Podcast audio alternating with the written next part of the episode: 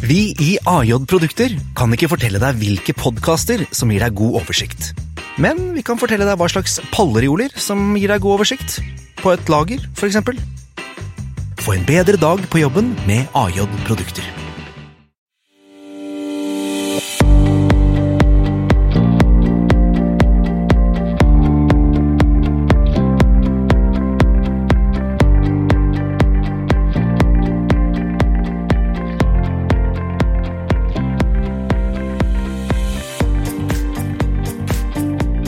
Hei og velkommen til Skifters podkast. Ukens gjest er Chief Product Officer i Bookis. Han har tidligere jobbet i Skipsted, i Ringnes, i Iterate. Han er medgründer av communityproduktleder.no og styrer nå Product Tank Oslo. Velkommen, Fredrik Meinert Hansen. Tusind tak, Lukas. Tak for invitationen. Det skulle bare mangle. Det er, eh, altså jeg gleder meg til å snakke med deg. Vi har chattet litt tidligere på produktleder.no, som er et eh, Slack-community for eh, produktledere. Hvor mange er det der nå? Vi er vældig snart 1000 øh, produktledere i Norge, så det er et stort community. Stort community. Og det er liksom alle de, alle de store er der, måte.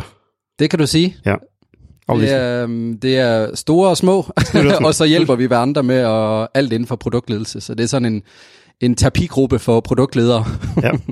Men du, hva er en eh, produktleder? Ja. Eller produktsjef, eller product manager? Ja, det Er er, det CEO of, the product? det er mange ord i et, ikke sant? Og der er vældig mye øh, jargon her, som, øh, som må afklares.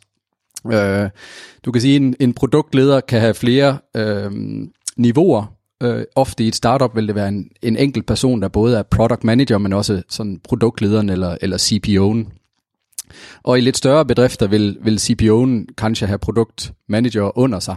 Øhm, men basically så er det jo, at, øhm, at i, et, i et godt produktteam i dag, der har du flinke designer, du har flinke udviklere, og så har du de her lidt sådan rare typer, der hedder produktledere, som øh, på mange måder er lidt øh, olien i systemet.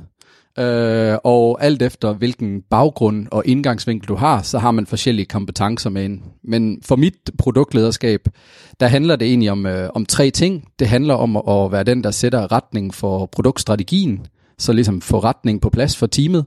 Øh, det handler om at øh, være en kulturbærer for moderne produktudvikling. Hvordan gør man det? Øhm, og så handler det selvfølgelig om at skabe resultater.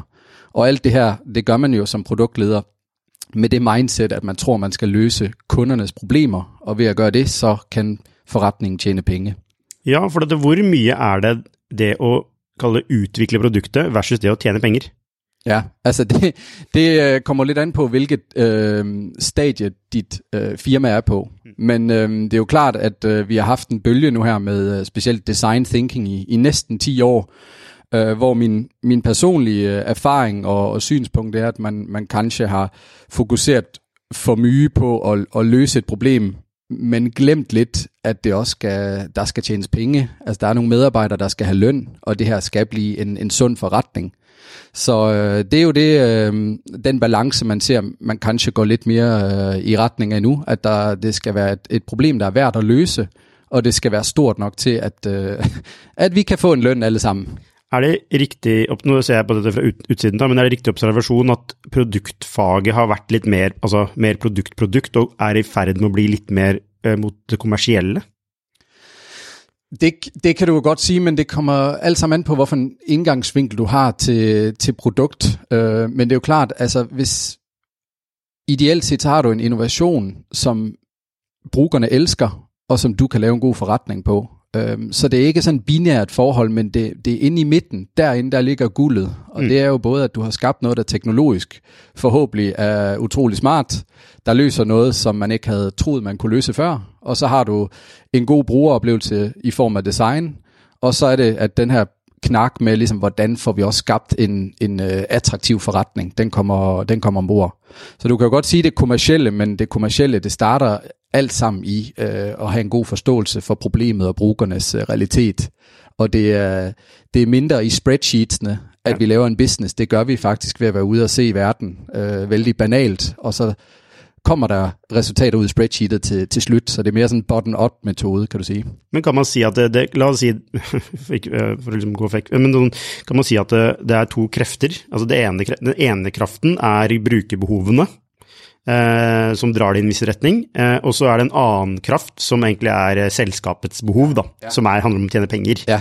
Eh, og så må du finne balansen mellom de to. Helt klart. Hvis det blir for mye på den ene, så Eh, altså tjener du ikke penger hvis det er for mye brukerbehov, eh, det, eller i, i det ekstreme, da, og hvis det er for mye fokus på sitt eget selskap, så dekker du ikke behov hos kunden. Absolut. Og når jeg går inn og ser på selskaper, så er det veldig tydelig at, at når, altså balance, det, det tipper altid til den ene eller den anden side, ikke sant? Så det er veldig tydeligt, når du kommer ind og ser, hvordan, øh, hvordan opstår idéer, hvordan tænker man rundt idéerne, altså hvor tidligt bliver der, hvor tidligt skal der en business case op at stå, versus det, at man har brugt øh, tid på, på indsigtsarbejde. Så det, øh, det er derfor produktet er så spændende, det er, at du, du altid skal prøve at finde en god balance, og så tipper du lidt til den ene eller den anden side, mm. og det tror jeg er helt normalt for alle bedrifter, der jobber med, med produkt, at, øh, at man må ligesom prøve at justere hele tiden, og finde den, øh, den gode øh, musikaliteten ja. ind i midten. Er altså produkt et fag, som burde være med fra dag én i en, et oppstartsselskap? 100 procent. Uh, det, er ikke, det er liksom ikke ofte det, du har en CPO med fra dag én? Nej, men det som ofte vil være, det er, at øh, de grundere, der sidder i selskabet, vil, uden at de ved det, eller om de ved det, så vil de tage en produktlederrolle, fordi der ligger mye arbejde rundt retning, vision, hvilket problem skal vi løse.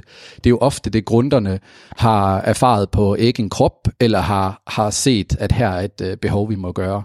Så det er jo ofte, øh, specielt min tid i Iterate, hvor jeg var rundt og, og rådgive mange mindre startups, at, øh, at du kunne se, at der var nogle vældig dygtige grunder derude, men, øh, men hvor du ligesom som en, en produktleder kan komme ind og, og kanskje hjælpe dem med noget metodik, som de ikke har haft før.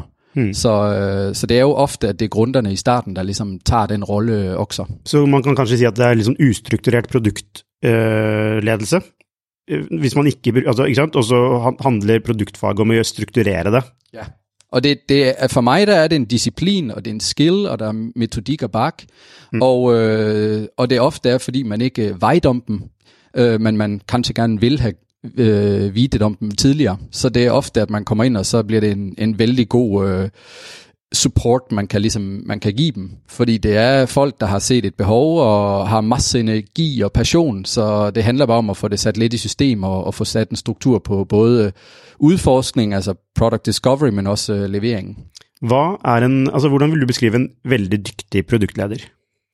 Jeg tror, øh, det de fleste nok vil se, det er hverdagen øh, til et produktselskab, den er lige så messy og fyldt med task og det ene og det andet som alle andre steder. Øh, så jeg tror, øh, for mig at se så en god produktleder, har altid strategien og bringer folk op på ligesom et holistisk niveau og ligesom ser fremover og, øh, og husker os på, hvad er det, der er vigtigt at opnå her. Mm. Fordi hver dag står du med prioriteringer. Skal vi gå den vej eller den vej, eller skal vi fikse det her liten ting her eller her? Mm. Så det handler vældig mye om at sætte retning og være god på at, at prioritere øh, på et dagligt øh, niveau så op mod strategien. Så du skal for, forvalte den retningen, ja. altså der du beskytter den retningen yes. øh, i det daglige. Øh, minde på, for det er vel let at gøre andre ting. 100 procent. Vi har men, øh, brains, altså, vi, har, vi, vi vil alt, og vi vil også gerne operate en business, ikke sandt? Men, øh, men det kommer selvfølgelig lidt an på, hvilken type forretning du er, fordi ofte vil produktlederen gå ind og også tage brugerens situation og bringe det ind i ledermøderne og sige, du, Øh, Cardi, øh, hun vil ikke have tænkt sådan der. Hmm. Og du vil, du skal fejde med din, øh, din finansdirektør, din marketingdirektør og din øh, operationsdirektør. Så her er det ofte, at du må, du må ligesom huske på, hvad det er for et problem, vi løser, og bringe det ind både opover, men også nedover i, øh, i organisationen. Hmm. At du husker at, at samle folk rundt om det her, som ofte kan være et, et problem, som skaber masse energi. Så du er ligesom en, ofte en person, der skaber masse energi og, og får folk med dig. Nettopp. Eh, men så, okay. så retning altså, og, og måte, strategi, og forvalte, forvalte, det. Eh, du tar på en måte brukerens parti mm. inn i selskapet, mm. som en slags ombudsmann. Det kan du sige. altså på vores kontor i Bookis, der har vi billeder hængende af brugere, vi har talt med. Ja. Fordi det er så let og enkelt at, at glemme dem nogle gange, op mm. i alt det, man går og lager, og, og, og sit feature roadmap, som, som der er mange, der bruger. Mm. Så det, det handler om at ligesom skabe den der øh, man kan sige, connection til realiteten der yde, mm. og, øh, og sikre, at vi ikke går os vild i, øh, i vores egne antagelser og vores egne gode øh, idéer. Men en anden ting er jo selvfølgelig, at vi jo ikke vant til at jobbe så øh, krydsfunktionelt sammen, som moderne produktudvikling ønsker. Mm. Øh, vi kommer fra forskellige uddannelser. Øh, det er ofte, at designerne har gået på en designskole, folk med teknisk baggrund, en teknisk skole. Jeg selv har været på en uh, business skole, ikke sandt? Og det ser jeg med en gang, at, at det at hjælpe folk med at være krydsfunktionelle, og faktisk kunne uh, lage nogle gode sammensætninger, og, mm. og um, nøste det samarbejde der, det er også en vigtig rolle i det at være produktleder i et ark, fordi man ofte kan komme til at sidde lidt i sin egen faglige silo, mm. i stedet for at få lavet de her... Uh, vi taler jo ofte om produkttrioer, altså en teknolog, en product manager og en designer. Mm det samarbejde der, det er ligesom et lille øh, orkester. Det må spille dritbra sammen. Ja. Undskyld mit uh, ja. udtryk, men det er sådan, det må være. Og du kan ikke bare sidde og spille uh, violinen på Nej. højt niveau, hvis, hvis du ikke husker på, uh, klaveret også er, er med her. Mm. Så det er også en del af, af det, jeg ser, at man må være god på som produktleder. At du er den, der... Du, er, du må rett og slett være leder. Ja, du må være leder, men du må også være, være øhm, være rollemodel, og nogle mm. gange må du gå forrest mm. øh, i at, at få samarbejdet til at ske, mm. og, øh, og få de andre spillet, spillet gode, fordi der sidder øh, specielt udviklerne masse gode idéer, som må ind i designernes øh, mm. skisser, ikke sandt? Så mm. det ikke bare bliver den her klassiske vandfaldmodel, hvor man leverer noget videre til hver andre. Har du nogle tips for at få det samarbejdet til at fungere bra? Uh, ja, der er jo flere tips, uh, men uh, jeg tror, det vigtigste, det er, at man kanskje tager lidt bort, hvilken et fag man er, men man er mennesker, der skal blive godt kendt, man skal blive trygge ved hverandre, og det kan man både gøre i kontoret eller remote, øh, men det er også fint en gang imellem at faktisk komme lidt ud af kontoret og, og blive godt kendt. Fordi hvis du kan blive kendt som mennesker, så er du også tryg i, at du kan bringe idéer fremover, og du kan fortælle hvad andre, når ting ikke er bra nok. Mm. Så der vil jeg, eller mit produktlederskab handler om at, at tage, tage lidt bort og sige, du er ikke en udvikler eller en designer, men du er et menneske, der skal jobbe godt sammen. Og så, så tror jeg jo, at, at man øh, ved at forklare sine perspektiver og bruge tid nok til at få en runde rundt om bordet, øh, gør, at, øh, at man laver endnu bedre løsninger. Fordi at folk skønner, at her kan jeg faktisk øh, tilføje noget. Min mening bliver hørt, mm. og min indspil bliver, bliver formet sammen. Mm. Så øh, tag et vældig sådan menneskeligt perspektiv på det her. Det er mennesker, der sidder bak en hver, et hvert fag og en hver rolle. Så det er forankring og involvering det er menneskelige relasjoner. Ja. Det er å bygge et team med en felles retning. Ja. Eh, altså, det er jo ledelse. Det, det er ledelse. Ja, altså Man det... glemmer sånn produktleder. Ja. Man tenker at man leder produktet, men det man egentlig leder, er man leder et produktteam.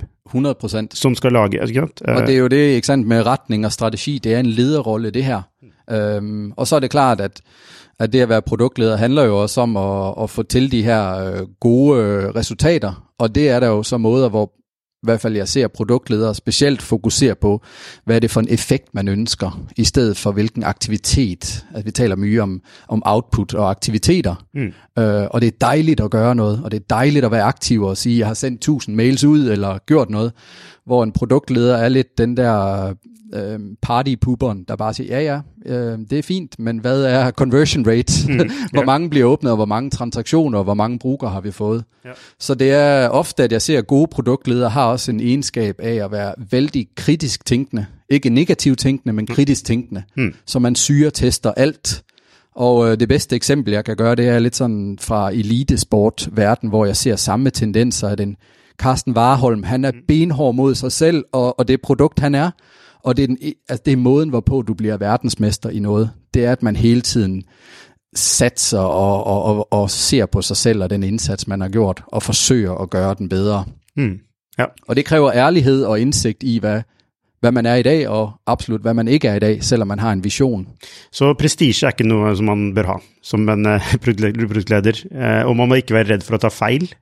Altså, man må liksom frigjøre sig fra det og det å, ja, det å på en måte øh, tenke at man er verdifull gjennom å ha rett. Ja, og det, det er kanskje også en, i hvert fald en af mine kjeppheste, det er at altså, en hver, et hver strategiarbejde, jeg har været involveret i, der sætter man et strategi, men alt er på prøve. Mm. Altså den strategi, den skal jo bevise sig selv mere end at vi skal sige, det er det her, der er sandheden. Mm.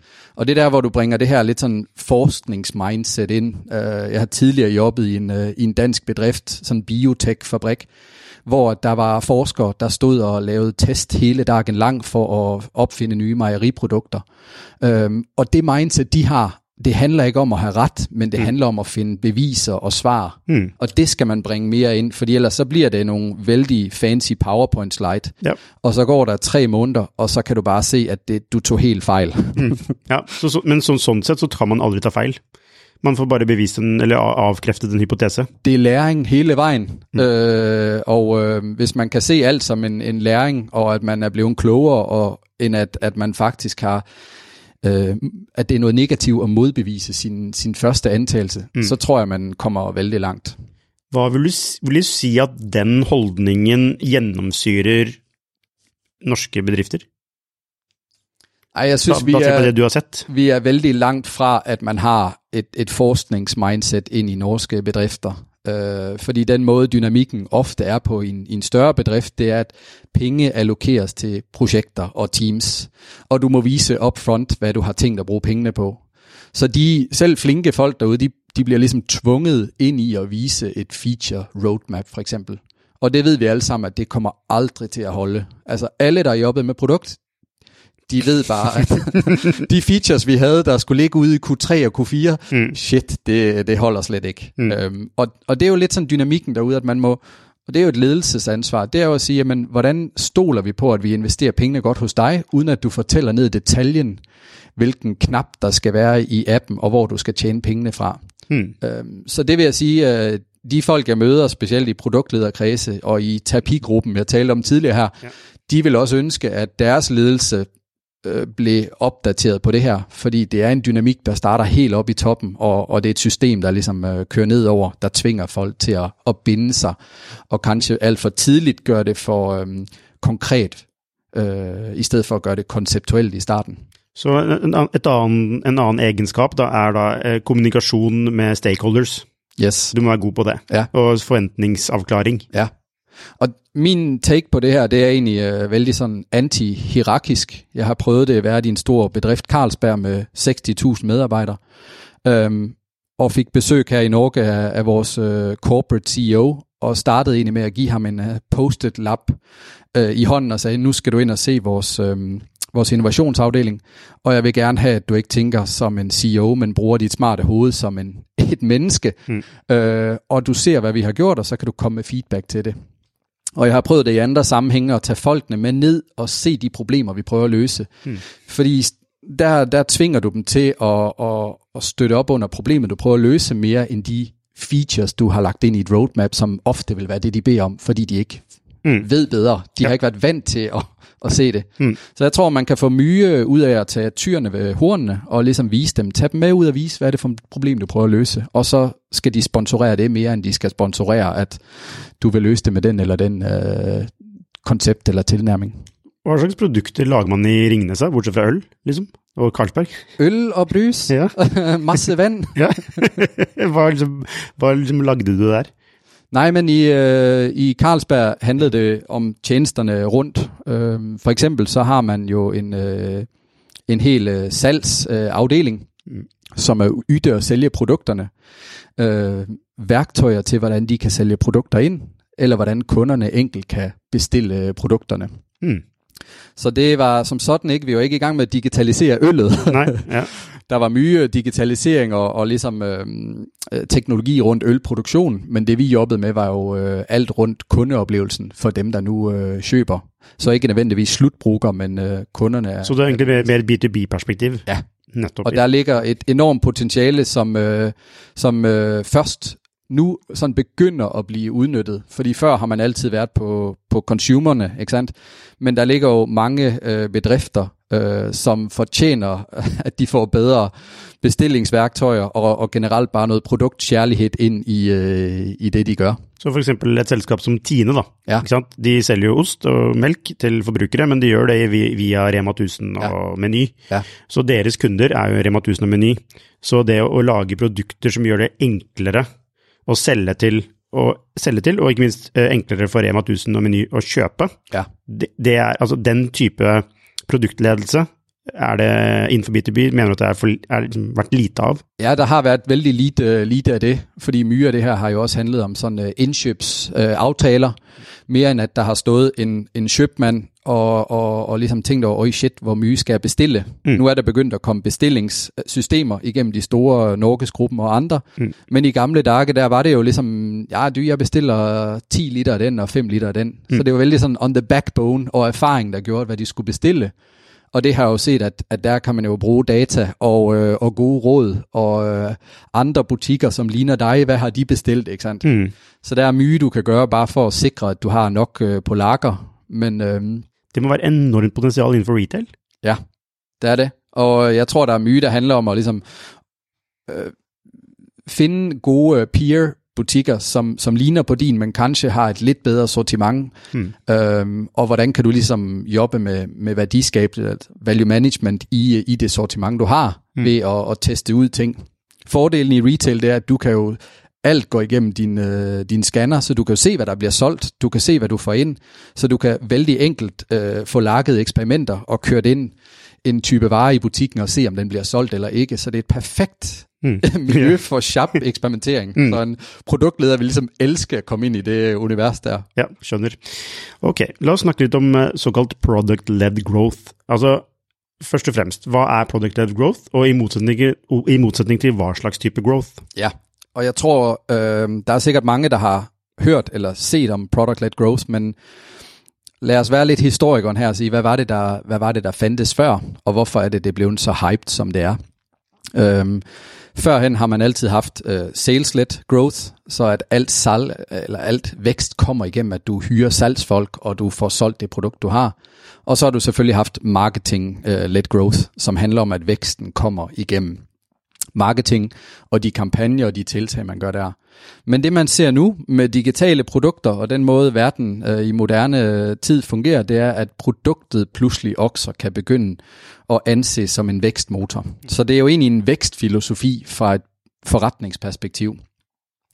Øh, og det der ligger i, øh, i product-led growth, det er jo, at man, man tror, at man kan videreudvikle produktet og værdiforslagene øh, til kunderne sine som er sådan en ting, hvordan kan vi øge marginerne og, og customer lifetime value af de kunder, vi har, ved at tilbyde dem mere eller bedre ting.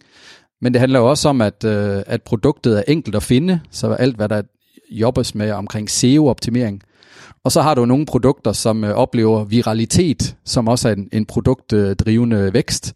Et godt eksempel er jo Clubhouse, som uh, i mm. løbet af vældig kort tid mm. oplevede et, uh, et fantastisk tilvækst, og nu er de væk alle sammen igen. Mm. Så der var et stort problem med retention, men uh, de oplevede jo viraliteten. Men viralitet, det kan vel kun komme i produkter, som er altså socialt og netværksbaserte? Jo, men det kan du sige. Men, men en anden element af det, som ikke er lige så øh, kraftig som viralitet, det er jo øh, en god organisk øh, vækst igennem øh, word of mouth, ja. som jeg ikke har et godt norsk ord for. Men det handler om, at man, øh, at man taler pænt om produktet, man har prøvet mm. til andre mennesker, og at det er en kanal derigennem. Men hvis du ser på øh, tal for eksempel fra en, en god kilde i USA, Lennys uh, podcast, så ser man jo, at, uh, at det er ofte det word of mouth, der ligesom driver en, en god, stabil vækst, end at det er alle, der får den her viralitet og sådan hockeystick-effekten. Uh, mm. Altså, word of mouth er så kraftfuldt. Jeg kjøpte nettopp en device basert på en annen som sa det. Altså, bare, du har kjøpt den, den funker dritbra, helt fantastisk, du må bare kjøpe den. Ja. Altså, det skal jo mye til for å ikke gjøre det, da. Ja. Altså, det er bare sånn Fordi er, du har jo 100 eh, tillit til noen som har, gjennom, som har gjennomført det, selv om det er, det er kun én. Mm. Altså, det er lite, det er lite data. Uh, men det, det, er så kraftfullt det med word of mouth. Så kan product, product growth være, handle om hvordan du legger til rette for word of mouth, f.eks.? Absolut. Og du ser jo nogle af de, uh, de produkter, der, der er kommet ud. Um nu her senest øh, prøvede jeg en, øh, en ny cykelapp i, øh, i Danmark, der hedder Donkey Bike, øh, og øh, de er jo vældig bra på, at når du har prøvet produktet, så ønsker de jo, at du skal give en omtale og lægge det ud og dele det på sociale medier og andre steder. Ja. Men altså, og det er jo mekanismer, commodity-mekanisme, de fleste bygger ind i deres produkt i dag, så det er enkelt at dele et, et godt budskab. Men jeg er jo enig med dig i, at at den her personlige anbefaling er så kraftfuld. Mm. Altså har moren, søsteren, broren din sagt ja. noget, så er det jo en validering som bare det. Mm. Øhm, ja. Ja, altså, for det er, liksom, det er en ting, du har liksom social proof, som er som andre har testa, som du ikke kjenner. Da må du liksom ha mange. Da må du liksom lese Ok, 1000 mener at dette er, er veldig bra, men hvis det er, men hvis det er en i familien, da, så er det bare Du, du trenger liksom at én sier det, Ja. og så er det faktisk mer kraftfullt enn enn altså, at 1000 mener det. Ja. Det er, det er noe mer magisk med det. Ja, jeg kan jo se mye af den indsigt, jeg blandt andet har gjort med, med Bookies og andre, det viser jo også den her, øhm, den der nære relation, hvor mye det har at sige. Altså folk, der er i perm, øh, får de øh, gode øh, værktøjer fra andre i perm, så kan jeg love dig for, at de prøver dem ud, ikke sandt? Mm, øh, fordi man stoler på dem. Men fortsat med den sociale bit, så er det jo, at vi er mennesker, og vi er gruppedyr, ikke sandt? Altså, vi, vi, øh, det gruppen siger, vi skal gøre, det, det køber man, ikke sandt? I bogbranchen, og der jeg jobber nu, der handler det om bestsælgere. Fordi det mener jeg, det er købt af andre, og det er populært af andre, så bliver det en form for, for validering. mm. Eh, Før, da jeg søkte på en eller annen bok, så kom det alltid opp et sånn Bookis-alternativ, som det billigste, i en sånn Google shopping-karusell. Mm. Nå skjer ikke det lenger. Hva, hvorfor ikke det? Nej, det handler jo lidt om, øh, hvad kan jeg sige, øh, der vi er i... Øh, For det er marketingledd, ikke sant? Det at man har Google-annonse. Yes, det er jo en paid, øh, det er jo en paid kanal, Mm. øh, som, øh, som mange andre paid kanaler er. Men sådan kort fortalt, så det der er min, øh, min opgave i Bookies, det er at være der, komme ind og, og gøre en, en analyse med produktbriller på, og sige, hvad er det egentlig, der, er- der er op og ned i det produkt her. Øhm, og vi fandt jo vældig fort øh, ud af, at, øhm, at vi slide vældig mye med, med retention, altså at folk kommer igen over tit. Øh, og det er jo ikke bare bookies, øh, der gør det, men det er der mange bedrifter, der ligesom, øh, det er det, det bedste bevis på, at du har product market fit. Ja. Det er, at folk bruger dit produkt og kommer igen. Ja, når, Øhm, når, i hvert fall når det er ment å brukes igjen og igjen. Ikke sandt? Mm. Med mindre du Elon Musk, der sælger en tur til, til månen, Ja. hvor han ikke trænger den samme Nej. retention. Nei. Men, øhm, men det var lidt sådan, øh, min første øh, analysen her, det var, at, øh, at her må der, produktet må forbedres, øh, og øh, derfor skruer man af øh, markedsføring og prøver at forbedre øh, produktet godt nok, og så kan du skrue det på igen. Og det, det handler lidt om, at øh, Må tette silen. Ja, du må det. Det, er lidt, det her det er lidt som sådan et, øh, et, et, et bardekar, altså et barstop, hvor du, øh, du hælder vand ned på toppen. Det er din øh, anskaffelse. Mm. Og så har du vandet i, der gerne skal holde sig dejligt varmt. Mm. Og så skal du forsøge at få slukket til at være, være mindst muligt. Sådan fungerer alle forretninger. Mm. Og, og det er en vældig kraftfuld analyse, den her retention-analyse, hvor du går ind og, og kigger på kohorter. Altså i en tidsbestemt periode er der nogle brugere, der er kommet til dig, og så følger du dem over tit. Hvor mange falder fra efter x tit, hvor mange er igen, og dem der er igen, hvor mye køber de. Mm. Altså går deres konsum og frekvens op eller ned okser. Mm. Det er vældig sådan transparent analyser, man kan gøre ved at bruge øh, de øh, analyseværktøjer, man nu har. Men den analyse vældig få bedrifter øh, excellerer eller bruger vældig sådan ofte. Men Hva, det er slags en, verktøy konkret bruker dere da? I mit tilfælde, der er det øh, Amplitude, øh, ja. men du kunne også have brugt Mixpanel eller, eller andre, hvor Mm. du går ind og ser på de, de brugere her. Ja, og da, er det, da, lager du, da lager du segmenter av brukere som har kommet inn på et visst tidspunkt, så brukere som kom inn i denne uka. Ja, det kan være øh, alt efter dit produkt, ikke sandt? Om mm. det er en uge eller et, en måned eller et år, det kommer an på frekvensen af dem. Mm. som er ligesom en, en måde at segmentere dem på. En anden måde, det kan jo være, om, om det er øh, studenter eller, eller, eller andre segmenter, Ja. for ligesom at se, der er en eller anden købsadfærd, som du ønsker at, øhm, Kan man, at si se at, på. kan man si at det finnes Er det noen segmenter som går igjen, som er interessante å se på?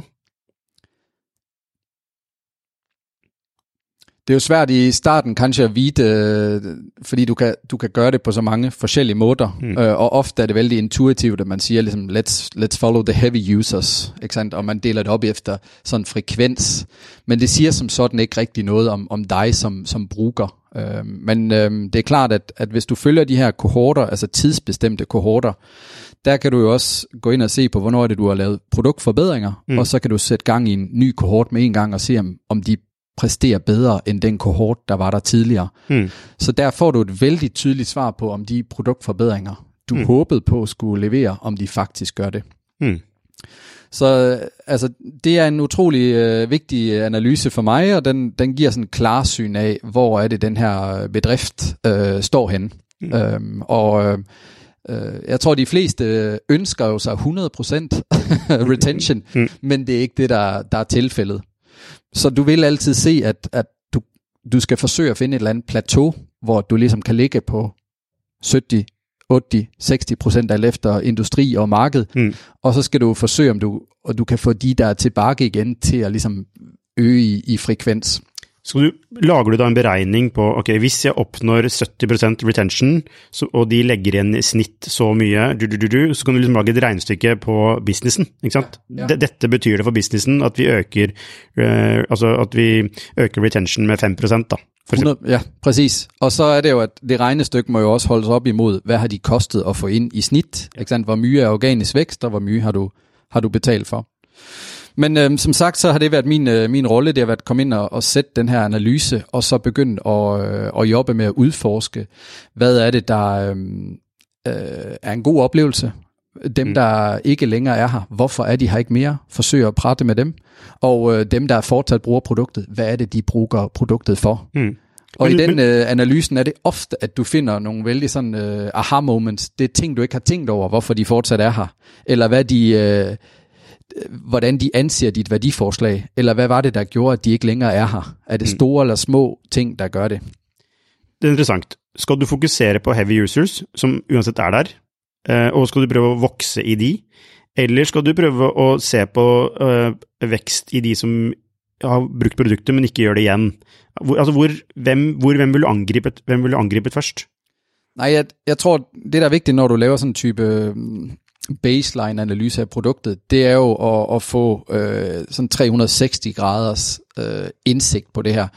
Så du kan ikke bare have et segment, du må ligesom se på det hele. Fordi nøglen her, det er jo, hvad hvis du finder nogle tiltag, du kan gøre, som både hjælper the heavy users mm. og, og de her light users, eller dem her sporadiske øh, brugere. Mm. Fordi ofte så kan det være, at det er det samme værdiforslag, der bare må spidses eller styrkes, for at heavy users køber mere, mm. kommer ofte igen, øh, og at light users ligesom ikke bare kommer en gang, men, men mange gange. Lad os sige, du definerer users i fem segmenter, da. fra uh, random uh, til uh, heavy users.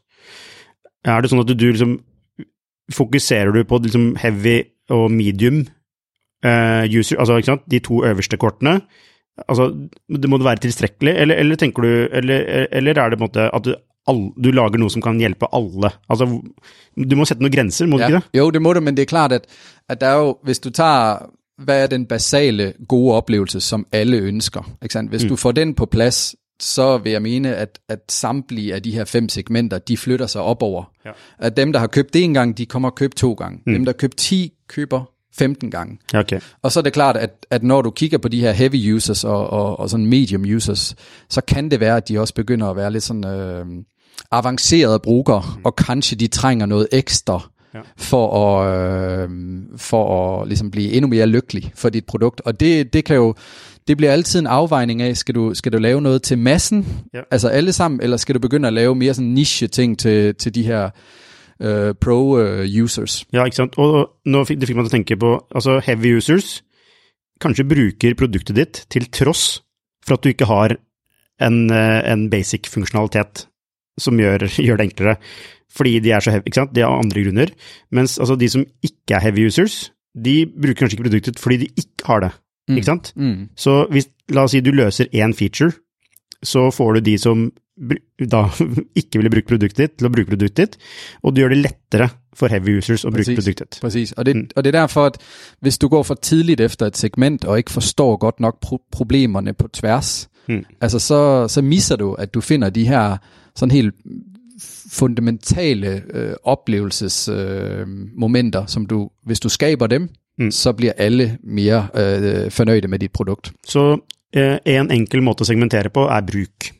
Altså, rett og slett. Det ja. går direkte på retention. Ja. Ikke sant? Så, så det er en Altså, eh, det eh, altså, ok, for å identifisere, for å analysere, ok, så er det handler om eh, altså ut ifra bruk, engasjement, og, men for å, for å utbedre, for å se om utbedring har effekt, så kan du lage kohortanalyser hvor du kan følge brukere eh, etter hvert som du har implementert ny funksjonalitet, og se om de eh, blir mer, er mer engasjerte eh, enn de som kom på tidligere, f.eks. Præcis. Mm. Og det der, der får du de ærlige svar om, om al den indsats, der er gjort af produktteamet, om den faktisk har lykkes.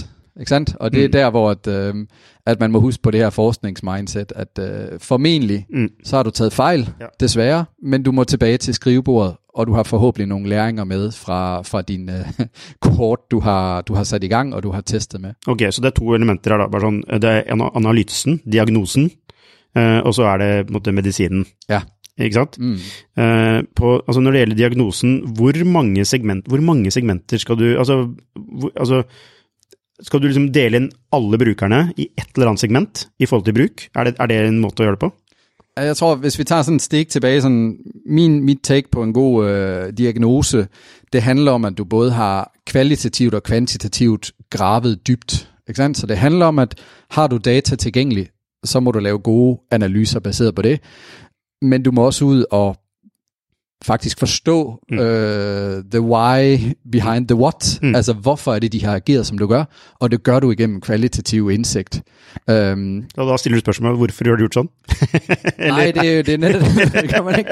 Men altså, ofte der øh, i starten vil jeg gå vældig sådan, øhm, øhm, nogen vil tro, det er passivt til værks, men jeg vil virkelig gå ud og observere. Jeg vil prøve at lade være med at, at sige særlig mye, og jeg vil bare se, hvordan øh, hverdagen er til en, en given øh, bruger i en given industri. Mm. Øh, hvis det var bog øh, elsker, så vil jeg tage ud og besøge bogelsker. Det har vi gjort.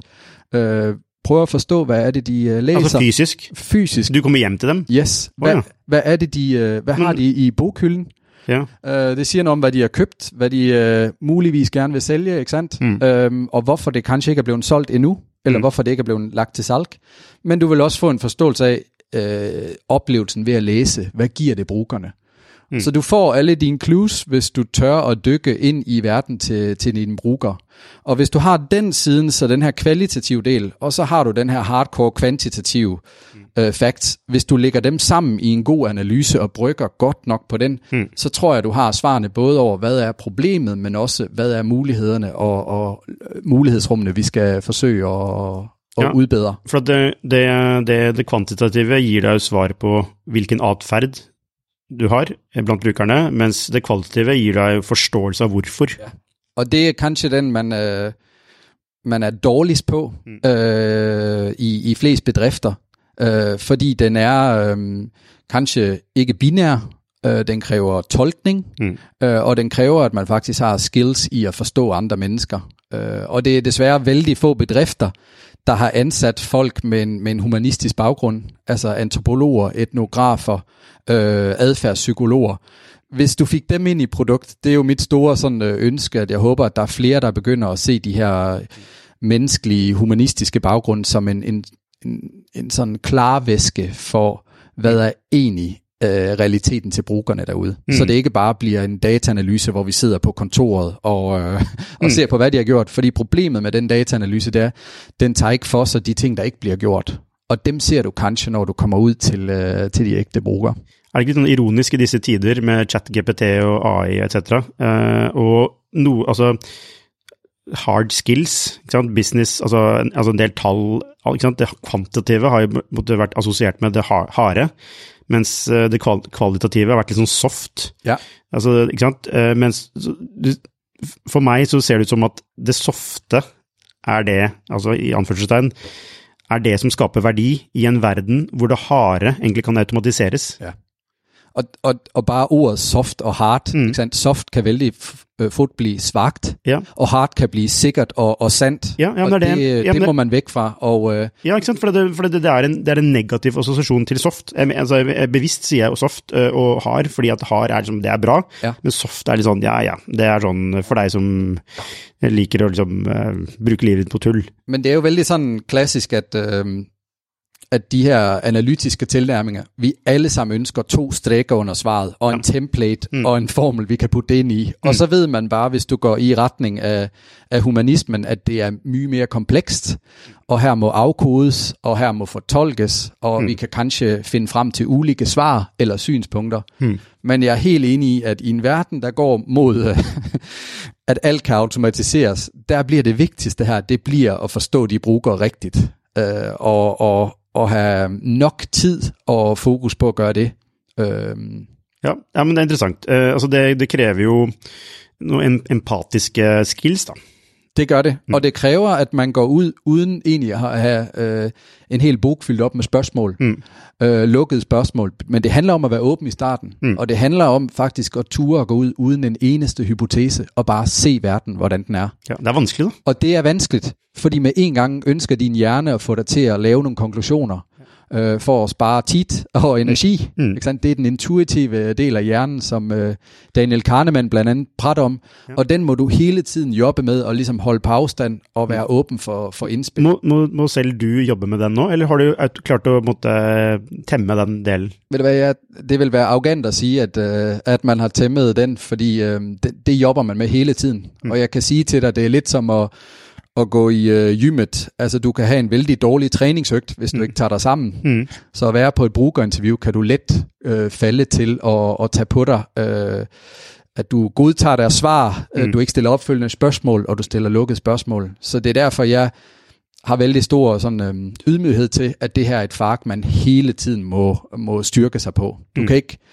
Ellers så, øh, så får du ikke den kvalitet ud af, af det, øh, den samtalen, du har. Uh, gjør du analysen selv, altså stiller du spørsmålene selv, eller er det måtte, bruker du man byråer og sånn? Altså, hvordan, uh, hva, hva, tenker du om det? Jeg tænker, at øh, det her er så nøkkelindsigt, at øh, du kan selvfølgelig godt få et, et byrå til at hjælpe dig, hvis du ikke har kompetencerne fra før. Men øh, jeg har set mange eksempler på, hvor man bestiller en, øh, en øh, research-rapport, og så, så, bliver det, så bliver den ligesom lukket. Mm. Det er 15 slides med nogle opsummeringer. Mm. Men hvis et produktteam virkelig skal kunne bruge det, så må det så kan det ikke bare være en rapport, der bliver leveret sådan one-off. Det må være noget, man kontinuerligt jobber med, at forstå det her mulighedsrum og problemområdet hos øh, brugerne. Så det må ind i produktteamet, øh, ligesom du heller ikke ønsker at outsource alle mulige andre mm. øh, nøkkelfunktioner, som øh, produktteamet gør. Ja, altså produktet bør, det, bør jo være strategisk vigtigt at have kontrol på. 100 procent. Og jeg tror bare, hvis du går ind i sådan en skikkelig indsigt, der vil du også se, at det er det, der bliver din, din konkurrencefordel. Det er, at du har set noget, andre ikke har, mm. og du har tolket det på en måde, som kanskje andre ikke har. Mm. Ja, når du siger det, så jeg, jeg oplever ikke så veldig mye nysgjerrighet blant norske bedrifter på deres kunder i den grad at de er, liksom, blir med dem hjem, står i butikken og observerer og virkelig prøver å forstå hvorfor de gjør som de gjør. Nej, men det, det det er der, hvor... kvantitativt basert på ja, det... konverteringsrate etc. etc. Ja, og det er der, hvor hvis vi er tilbage til product-led og måske mm. sales-led, mm. altså er du en bedrift, der er moden, og du har på en måde vist, du har product market fit, så handler mye om det desværre om, at man allokerer penge til at optimere forretning. Ja. Så det bliver ofte marketing og sales-led. Så man mister det der product øh, mojo, som Steve Jobs talte om, det mister man desværre, mm. fordi man ikke fortsat allokerer tid og penge til, at folk kan være nysgerrige mm. og faktisk kontinuerligt jobbe med at, at udforske tingene. Og, og ulempen her, det er bare, at pludselig så kommer der en grunderbedrift, som er nysgerrig, mm. og som har ikke fået product market fit endnu, og så laver de de, øh, hvad kan du sige, øh, grænskninger her, og så finder de noget, og så bliver du taget på sengen, ikke sandt? Mm. Netop. Ok, så eh, en analyse, en diagnose eh, av problemet, og da krever du da, da, da, må du liksom inn under huden på, på brukerne dine, skjønne hvorfor, hvorfor de på en måte ikke bruker det produktet. Eh, og så, når du har en analyse, så, vet, så har du en bedre Altså, du vet ikke, men du har en bedre forståelse, kanskje? Eller du tror du har en bedre forståelse, i hvert fall. Du har i hvert fall noe, eh, noe å bygge en hypotese på. Ja, så det er ofte at ut av, ut av sånn et arbeid, der vil jo komme noen, øh, noen det du vil se som muligheter for at, at levere værdi. Ikke nødvendigvis løsninger, men mulighedsrum, som vi kalder det. Og øh, derefter der handler det om at, at prøve at prioritere dem her i, på en god måde. Vi kan ikke gøre alt, Så hvorfor en er det, vi starter med? Mm. Hvorfor en er det, vi tror, der muligvis kan, kan være et stort uh, businesspotentiale i, Ja. uden at vide, hvordan vi skal levere værdien. Um, og der vil du så gå ind og vælge et, et mulighedsrum, og så går du videre i at, at prøve at, Og da snakker vi ikke feature ennå, ikke sant? Overhovedet ikke features, men det handler om, at man for eksempel vil hjælpe med X, Y eller Z. Det handler ikke om, hvordan du kommer og, og hjælpe dem. Det er først bagefter, når du går ned i sådan øh, løsnings, løsningsområdet. Mm. Ok, og, og da eh, I den prioriteringen så er det Altså, vi har snakket om dette med eh, Ja, ok, la oss si du prioriterer tre ting du skal gjøre. Eh, og, så, og så må du lage features som gjør de tingene, på en eller annen måte. Eller du må design Altså, du må jo gjøre noe som fører til dette.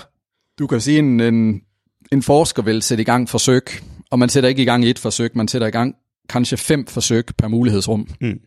Og et forsøg er bundet op på en, øh, en antagelse og en hypotese, som man ønsker at få valideret. Øhm, og det, der ofte sker, det er, at man, man bare laver et, en løsning, og så Mm. gønner man på med den. Men så er der kanskje fire andre, man, øh, der kunne have leveret samme værdi, og muligvis kan det være det endnu billigere og rimeligere og mere effektivt den måde, det er.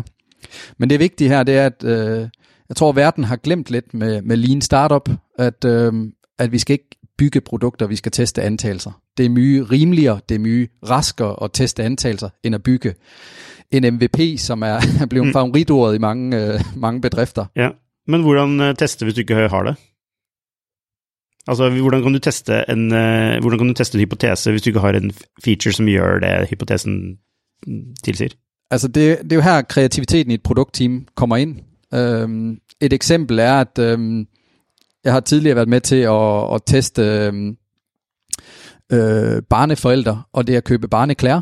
Øh, og frem for at, at bygge en hel tjeneste, der kun alt det, vi troede, der brød vi det ned i hypoteser, og så laver du eksperimenter. Øh, og det er der jo fine værktøjer for i dag. Man kan gå ud og købe en Shopify-platform, hvis du laver en e-commerce butik. Mm. Men øh, nøglen her, det er, at man, øh, at man ikke bare øh, begynder at bygge produktet, men, men du hele tiden tænker, hvad trænger vi egentlig for at validere det? Trænger vi at integrere med betalingstjenester, eller have et rigtigt lager, eller en leveringstjeneste? Nej, det gør vi ikke.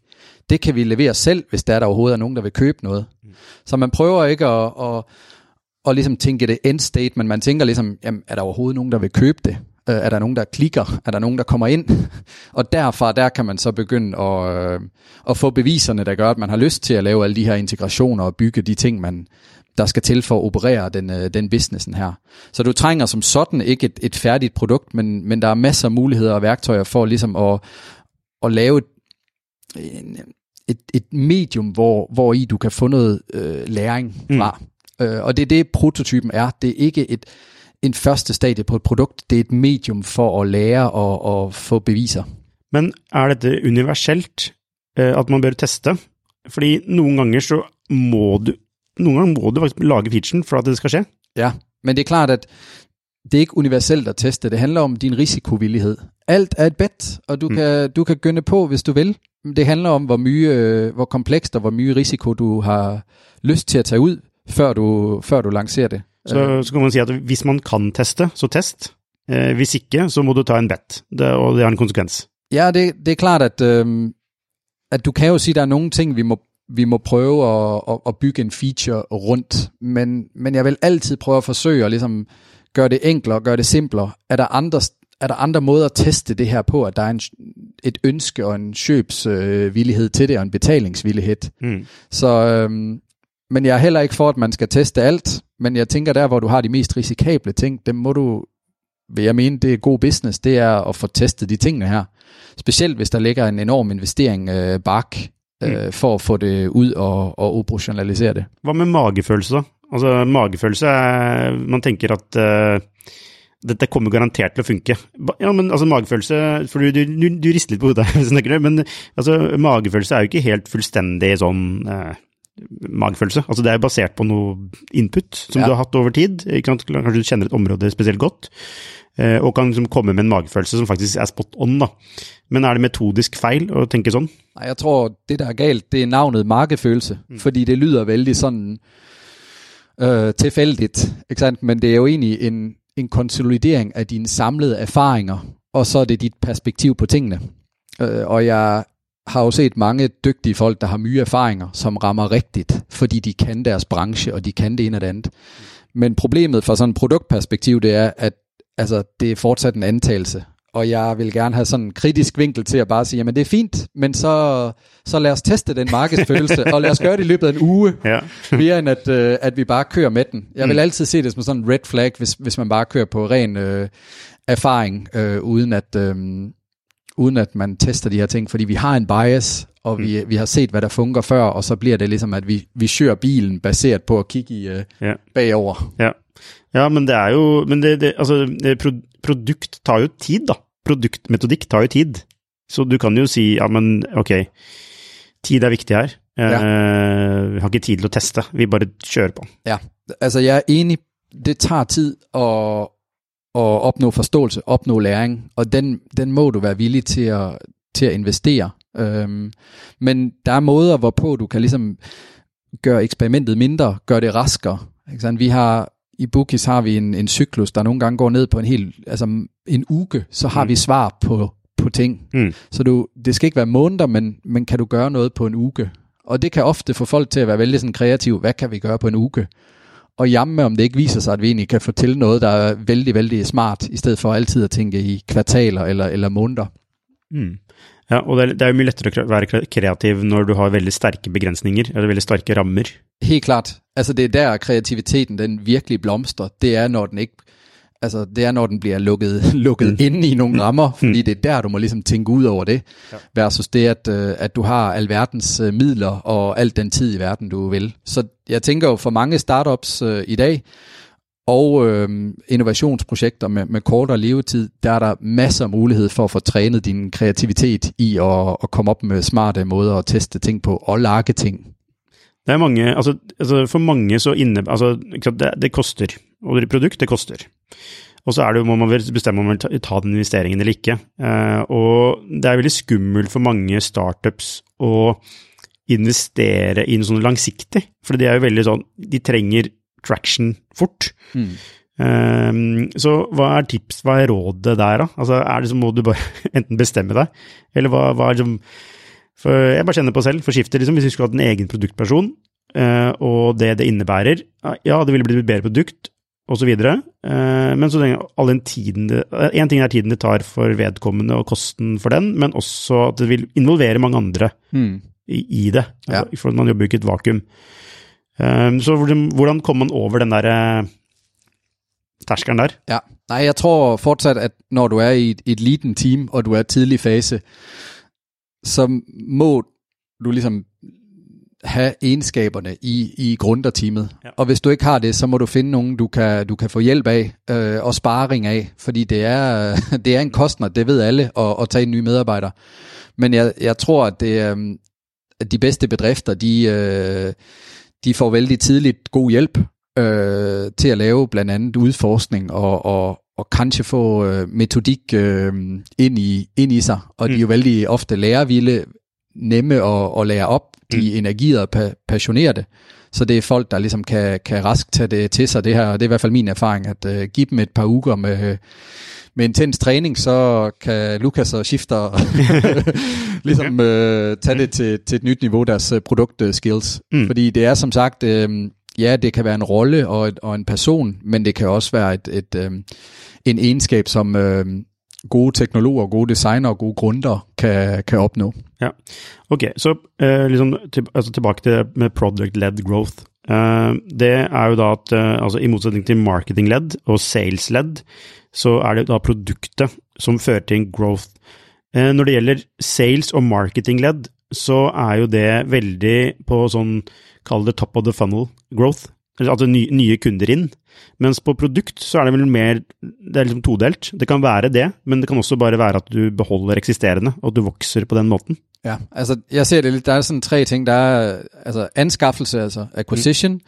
du har retention, øh, fastholde folk, og så har du det her med monetization, som handler om at, at kunne øh, høste værdien af den værdi, du har skabt for dem. Og på produkt, der må du altid starte med retention. Altså start der.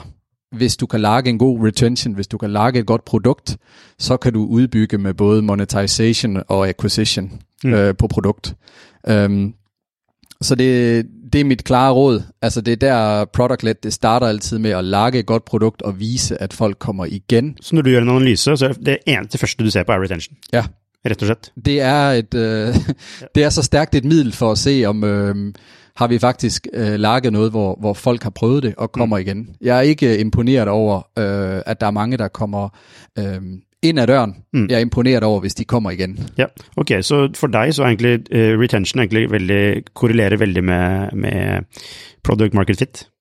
Det gør det, 100%. Mm. Altså, de to bedste signaler på, at du har product market fit, det er, at du har et, et produkt, der kan retaine, og at du begynder at vise øh, tendenser til organisk vækst. Altså den her word of mouth, mm. eller R-tallet, der er nogen, der kalder det rep, øh, reproduktion. Ja. Så at, at vi begynder at se i liten skala, at det er bra, og de fortæller deres familie og venner om produktet. Mm. Det er sådan to øh, nøkkelting øh, i starten. Mere end det handler om, øh, om transaktioner eller antal. Øh, I liten skala, der vil jeg se gode tal på, på det her. Så det er egentlig ikke bra for et produkt at få bruge mye på markedsføring for at for da, da, da, skaper du mye støy, så du kan ikke se en organisk vekst. Du, du kan kanskje, du, retention kan du for så vidt se, men den organiske veksten blir litt sånn. Ja, eller du kan jo i analyser se, hvor, ja. hvor ting kommer fra, om du har betalt for det eller ikke, men, men jeg ser det her lidt som sådan sekvensspil, lidt som at spille sjakk, eller hvad det er. Ja. At øhm, du starter med at lave et godt produkt, og derefter, der kan du lægge øh, til en, øh, en vækstmotor, både som produktet kan være, men øh, trænger dit produkt en, en øh, salgsafdeling eller en marketingafdeling, så, mm. så ligger du det på toppen af det her. Øhm, det er aldrig produkt alene, eller marketing eller salg alene, det er en kombination af dem, men der er en klar sekvens her i, hvornår gør man hvad. Mm. Og det er ofte det, som, øh, som kan gå lidt galt, at man for tidligt mister det her product mojo og bare ligesom siger, nu er produktet godt nok, lad os skynde det ud til, til, til, til hele verden. Ja, nettopp. Og så er det jo, Man kan jo vokse gjennom flere brukere, men man kan også vokse i den enkelte brukeren. Ja. Hvordan, hvordan da? Altså, det handler om, at du øh, tilbage til din indsigt, hvad, hvad for en problem løser du for brugeren, øhm, og hvor friktionsfrit har du løst det?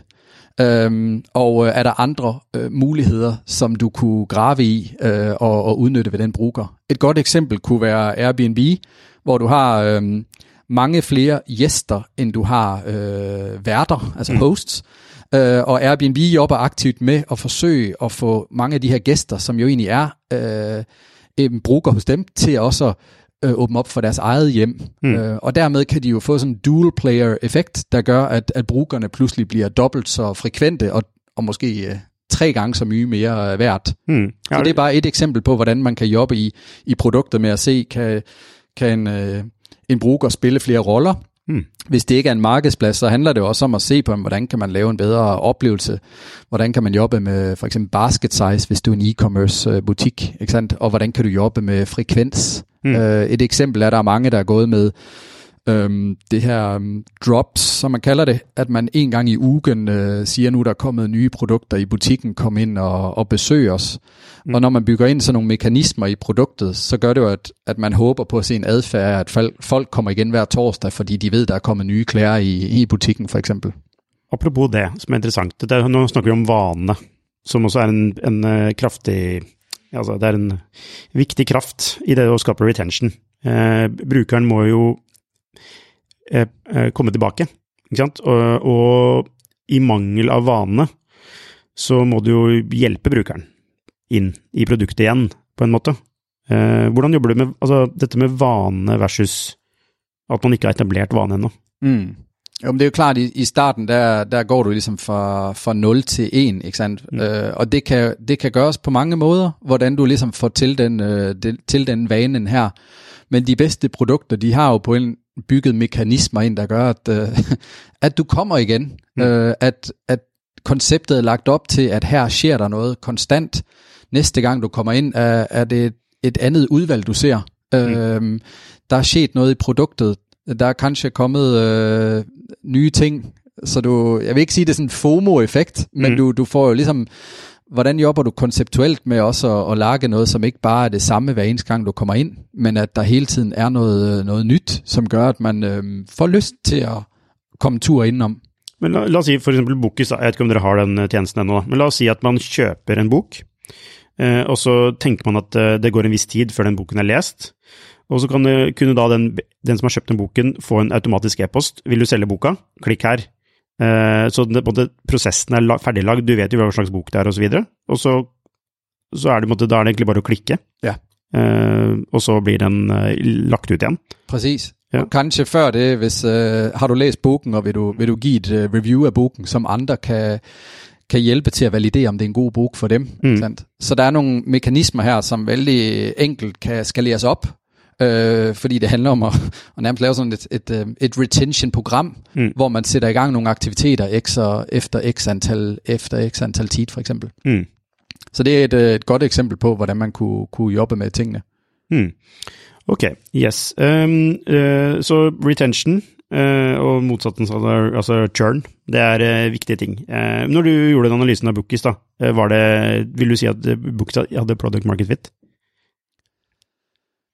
Til, på nogle segmenter, ja. Mm. Øh, helt klart. Men øh, andre segmenter var, var, havde man kanskje gået for bredt ud og hentet ind øh, folk, der ikke øh, nødvendigvis var de her heavy, heavy users. Mm. Øhm, et, godt, et godt eksempel bare for at tage en, en anden bedrift også, som er Uber, øhm, som har jo en enorm markedsværdi. Øhm, jeg læste en analyse af dem, hvor at, at det man på en måde skal bette på i Uber, det er jo, at, øh, at, man kan få lakket nok heavy users. Øh, og at de her sporadiske users, som øh, tager en taxa, kanskje gør noget andet, øh, cykler, altså det, det er dem, man skal ligesom konvertere op over. Mm. Øh, og det tror jeg, det handler for mange af dem. Altså man skal, man skal finde sit rigtige segment, og så skal man se, om man kan retaine dem, man, retaine dem godt. Mm. Ja, altså du vil jo egentlig bevege folk oppover i trakta, eller nedover i trakta. Ja, så bliver det heavy. tydeligt, om Ja. du, har, du har ramt rigtigt på dem, du har, du har fået ind. Mm. Fordi det er jo ikke alle brugere, der nødvendigvis kan retaines bra, eller har den øh, frekvens, du ønsker, i forhold til, hvad du øh, muligvis har, har betalt for dem. Mm. Har du vært i noen mislykkede produkt... Eh, altså har du liksom eh, Ja, situasjoner tidligere? Hvor altså, produktet har mislykkes. Ja, Eller- nei, mer at metod, altså, hvor, du måtte, altså, hvor du har lært at, hvor viktig metodikken er. Altså, har du måtte, jobbet produkt, kanskje ikke etter magefølelse, da, som vi snakket om, men har du vært i situasjoner hvor det måtte, ikke har vært en metodikk? Ja. Og, ja, og hvordan beskriv det? Ja, jeg kan jo beskrive et eksempel fra, fra Carlsberg, mm. hvor vi her i Ringnes i Norge var, var pilot øh, på en ny innovation, der handlede om sådan nogle limdotter imellem ølboksene, som skulle tage, bort, øh, ja. tage bort den her plastik rundt om Mm. og spare masse, masse ting. Og det, jeg var faktisk øh, product manager på den her, så Ja, det. Ja. det er jo en af mine sådan product scars. ja. Og øh, der var der jo en, øh, en analyse vældig tidligt, der var vældig sådan intuitiv, der siger, at det her må forbrugerne ligge. Mm. Øh, det her vil man. Og vi, øh, vi gynnede jo på og kørte det ud til 5.000 butikker.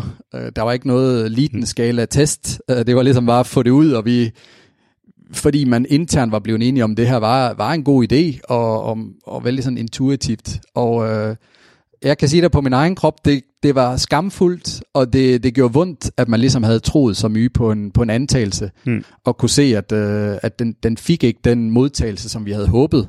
Øh, den fik det i medierne. Øh, Mm. En masse medier, der synes, det her var Mm. fantastisk, men, men forbrugerne havde ikke helt skønt det, og, øh, og lanceringen var, var kanskje for kraftig øh, i, i et norsk ølmarked, hvor du heller ikke må kommunicere om, om tingene, som du for eksempel må i andre lande.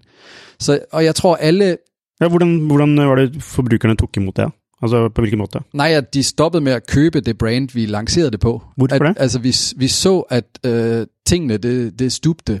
Fordi i et øh, norsk marked, hvor en ølboks koster Ja, mere end i Danmark i hvert fald, ja. der er det ofte, at man gerne vil bryde op boksene. Ja. Øh, og hvis man ikke ved, hvordan man bryder op boksene, så tager man en af dem, man kender fra før. Mm. Sandt? Så der var, en, der, var, der var simpelthen en, en onboarding og en ind, indkøringsperiode, hvor man skulle lære folk at, at bryde op de her bokse i uh, sixpacks i, i mindre. Og mm. i Danmark for eksempel kørte man store kampagner, hvor man Mads mm. Mikkelsen, skuespilleren, stod og viste, hvordan man gjorde det. Ikke? Ja. Så der ramte vi jo ligesom også en, øh, en, en udfordring i, at man ikke må kommunicere øh, Men du trodde på, du trodde, var du en av de som trodde på dette produktet? Jeg troede på produktet, men jeg var også en af dem, der mente, vi skulle kanskje prøve at teste det ud i, i, i flyten her, ikke sandt? Mm. Men du er jo også en del af et, af et apparat, et tog, som bare søger på, ikke sandt? Ja. Men skulle jeg gjort det om i dag, havde jeg nok stået endnu hårdere på, at det her det skal ud i, i en butik. Vi skal mm. se det hele end-to-end, hele vejen igennem. Ikke? Mm.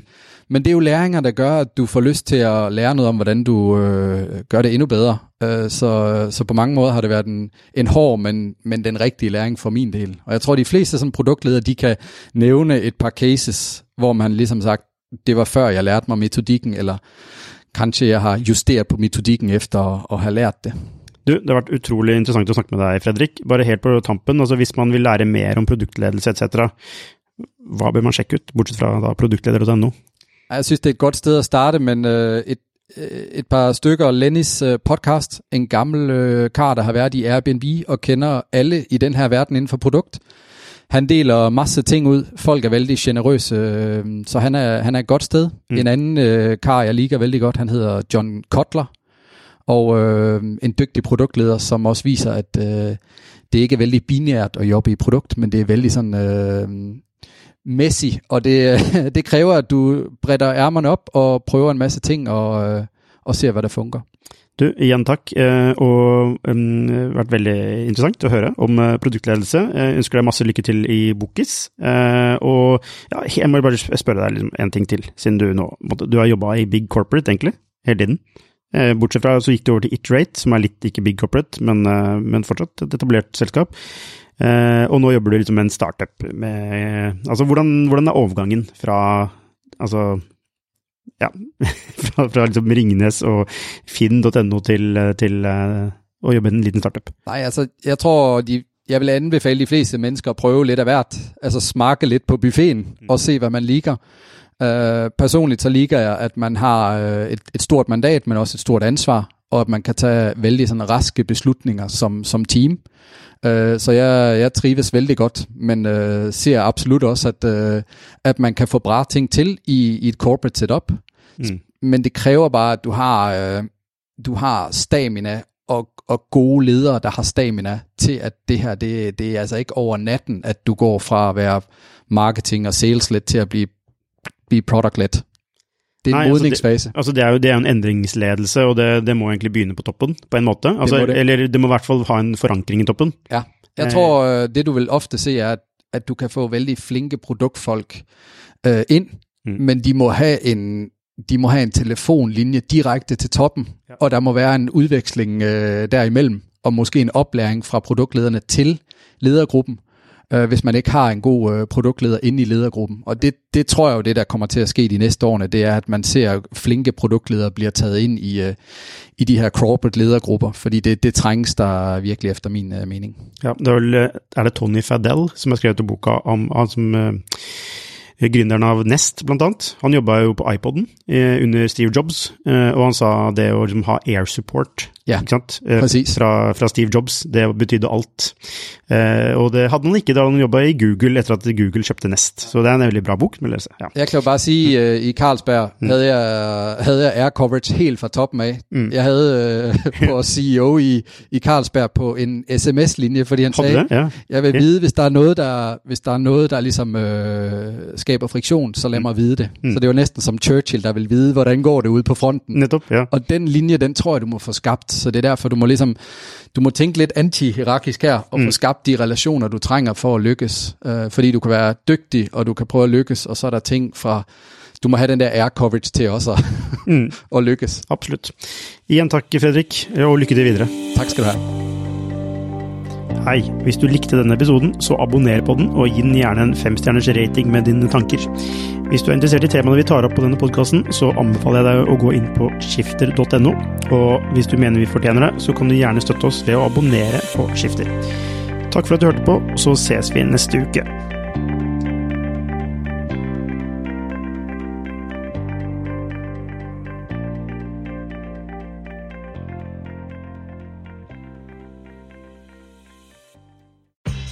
Vi i AJ Produkter kan ikke fortelle deg hvilke podkaster som gir deg god oversikt.